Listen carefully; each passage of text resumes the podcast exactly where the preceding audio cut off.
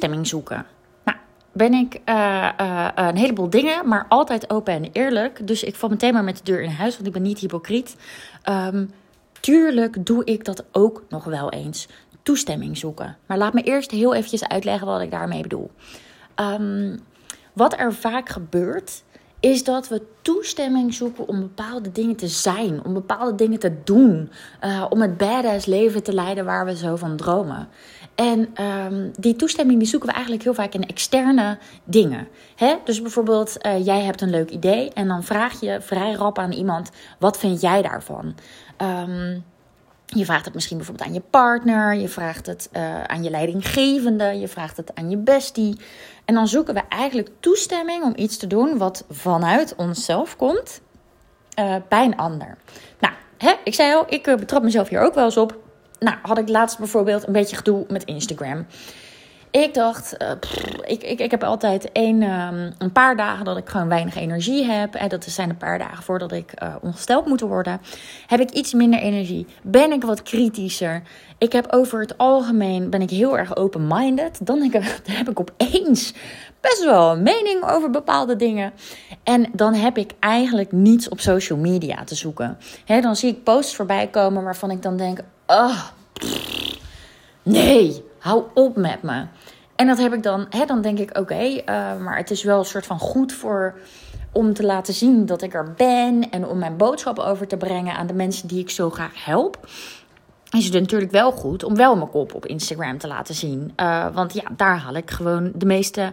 Daar haal ik het meeste contact uit met badasses, zeg maar. Daar haal ik ook de meeste inspiratie uit. Daar haal ik de meest toffe één op één gesprekken uit. Dus ja, Instagram brengt mij veel. Um, maar er zijn dus drie dagen per maand ongeveer dat ik daar echt helemaal geen zin in heb. Nou, heb ik een tijdje met een content coach gewerkt. Hè? Ik, je weet ondertussen vast al, ik ben gewoon fan van coaching. Uh, had, ik, had je me vier jaar geleden dat uh, gezegd, dan had ik gedacht: joh, uh, ben je dan niet sterk genoeg om bepaalde dingen zelf uit te zoeken? Hè? Heb je dan geen mening over bepaalde dingen? heb je dan niet voldoende kennis om zelf beslissingen te maken? Ach, wat ben ik daarop teruggekomen? Want weet je, je hebt gewoon blinde vlekspiegels. En, en, en, en je hebt een soort van frame of reference. Um, en dat is eigenlijk de dingen die jij kan zien en de dingen die jij ook vindt. Hè, dat komt ook een beetje vanuit je overtuigingen en dergelijke. Heb jij eigenlijk één frame of reference? Nou, en die kan je alleen maar expanden door uh, het frame of reference van een ander. Door daar een inkijkje in te krijgen. Door, door um, uh, ja, echt iemand die jou kritische vragen stelt. En die jou laat zien wat er allemaal nog meer mogelijk is. Nou, en dat is dus eigenlijk gewoon heel simpel. 1 plus 1 is 2. Ook in dit geval, weet je. En we willen het vaak zo in ons eentje uitvogelen. Ach mannen, daar was ik echt een voorbeeld van. Weet je, ik heb twee oudere zussen. En die deden natuurlijk alles voor mij, want ze zijn een paar jaar ouder. En, en zij zijn dan ongeveer, nou, bij hun zit er iets van een half jaar tussen. En um, ik was dan echt zes jaar jonger. Oh, alles werd voor me gedaan natuurlijk, weet je wel. Want zij kregen gewoon een soort pop cadeau. Uh, en dan konden ze lekker moedertje voor spelen. Nou, totdat ik natuurlijk een bepaalde leeftijd had en alles zelf wilde doen. Want ik dacht, ik, ik wil ook laten zien dat ik bepaalde dingen zelf kan. Dus ik wilde alles natuurlijk zelf doen. En ik weet zeker dat jij dat ook ergens op een manier, uh, op die manier ervaart. Misschien niet omdat je twee oudere zussen hebt. Maar om de een of andere reden willen we alles altijd zelf blijven doen. Nou, Anyways, daarom ben ik dus helemaal fan van coaching. Want ik ben helemaal op, op teruggekomen. Je kan niet alles zelf doen. Uh, want je ziet het ook allemaal niet zelf. Je kan ik ben heel goed in een helikopterview aanhouden. En nou lukt me dat ook regelmatig wel op, op de dingen die ik zelf doe. Maar op sommige punten zit je er gewoon te veel middenin. En dan heb je dus iemand anders frame of reference nodig. Nou, dus ik werkte met een content coach om echt eventjes te. Hè, ik hou van schrijven. Ik vind het fantastisch. En er is altijd nog meer te leren. Um, dus bijvoorbeeld voor mijn website teksten. Of zij keek ook af en toe wel eens mee met een post. Uh, om even te kijken van, joh, is dit nou allemaal wel helder genoeg? En hoe kan ik mijn schrijfskills eigenlijk verbeteren? Nou, super tof coach. Uh, hartstikke leuk mens. Uh, heerlijk mee samengewerkt. Uh, maar er waren natuurlijk dagen dat ik helemaal geen zin had om wat te posten. Die drie dagen per maand dat ik er geen zin in heb. Dat ik geen zin heb in social media. Dat ik eigenlijk mijn telefoon niet uh, ja, niet, niet nuttig vind, zeg maar, op die dagen. En dat is helemaal oké. Nou, dus ik uh, had wel een sessie met haar gepland die dagen. En ik zei: Oh, Lot, ik wil niet. Ik wil helemaal niks posten. Weet je, ik wil ook helemaal niet dat je mij feedback geeft op een post die ik, net, die ik dan nu een soort van geforceerd moet schrijven. Want ik wil het helemaal niet. Maar ik weet dat het moet. Dus, dus wat vind jij ervan? Denk jij dat het oké is als ik dan inderdaad eventjes gewoon er niet ben? En ik vroeg dat aan haar omdat ik 100% weet hoe zij hierin staat. En zij zei natuurlijk gewoon: Ja, Room, niet doen. Weet je, dat hoeft toch helemaal niet? En toen dacht ik: Ah, oké, kan maar ademhalen. Nou, dat hoeft dus inderdaad niet. Ik zocht toestemming bij iemand om iets te doen binnen mijn eigen bedrijf, mijn eigen bedrijf, um, omdat ik iets niet wilde doen. Ja, weet je, het is zo'n valkuil. We doen het allemaal. Maar waar, waar was ik mee bezig? Want als ik iets niet wil, dan doe ik het toch niet? Want ben ik niet mijn eigen bedrijf begonnen omdat ik dan vooral heel veel dingen kan doen die ik wel wil. En niet meer zo heel veel dingen hoef te doen die ik niet wil. En als ik een keertje wat moet doen wat even wat minder leuk is. Ja, uh, weet je, it all it's up to the greater good. Dus dan is het ook oké.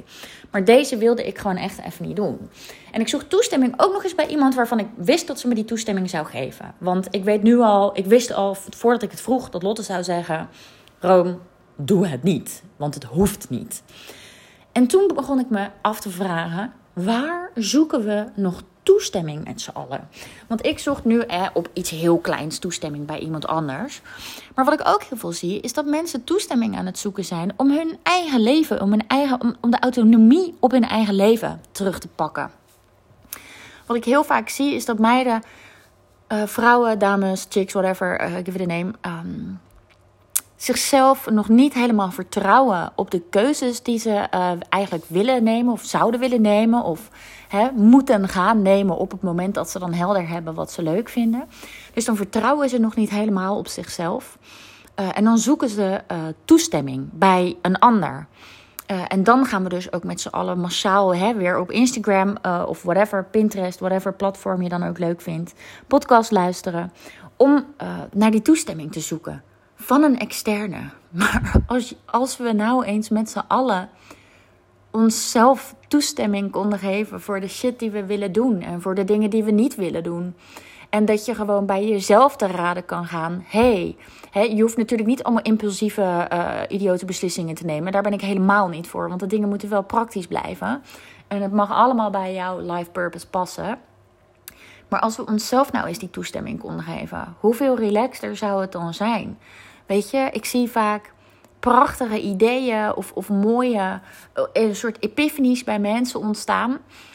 Waar ze in theorie de volgende dag nog op zouden kunnen acteren. En wat er toch gebeurt, is dat we het niet doen. We laten het. Um, we weten, ons gevoel zegt al lang: dit is een supergoed idee. Ik wil dit. Dit is het. Nou, soms hè, dan slaap je er een nachtje over. En daar ben ik helemaal voor. Ook vanuit de human design. Uh, zeker voor emotionals wordt dat aangeraden. Heel even kort daarover in mijn human design uh, komt eigenlijk naar voren dat ik een emotional generator ben. Dat betekent dat als ik in een emotional high zit, ik in theorie overal ja op wil zeggen, dan is alles natuurlijk feest. En als ik in een emotional low zit, nou dan wil ik eigenlijk overal nee op zeggen. Dus in die highs en in die lows is het helemaal niet handig om beslissingen te nemen. Want of ik zeg op te veel dingen ja, of ik zeg op te veel dingen nee. Dus het is handig om dan heel even hè, terug naar die cool, calm en collected state of emotions te gaan en vanuit daar je beslissingen te maken. Maar soms voel je natuurlijk wel al heel snel: hey, dit is het voor mij. Um, en dan gaan we toestemming zoeken. Dan gaan we het rationaliseren. Dan gaan we aan andere mensen vragen of dat het eventueel een goed idee is. Of dan gaan we aan andere mensen vragen of dat het inderdaad een goed idee is om met iets bepaalds te stoppen. Terwijl het zou zo mooi zijn als we toch net even wat beter op onszelf konden vertrouwen en onszelf die toestemming voor bepaalde dingen konden geven.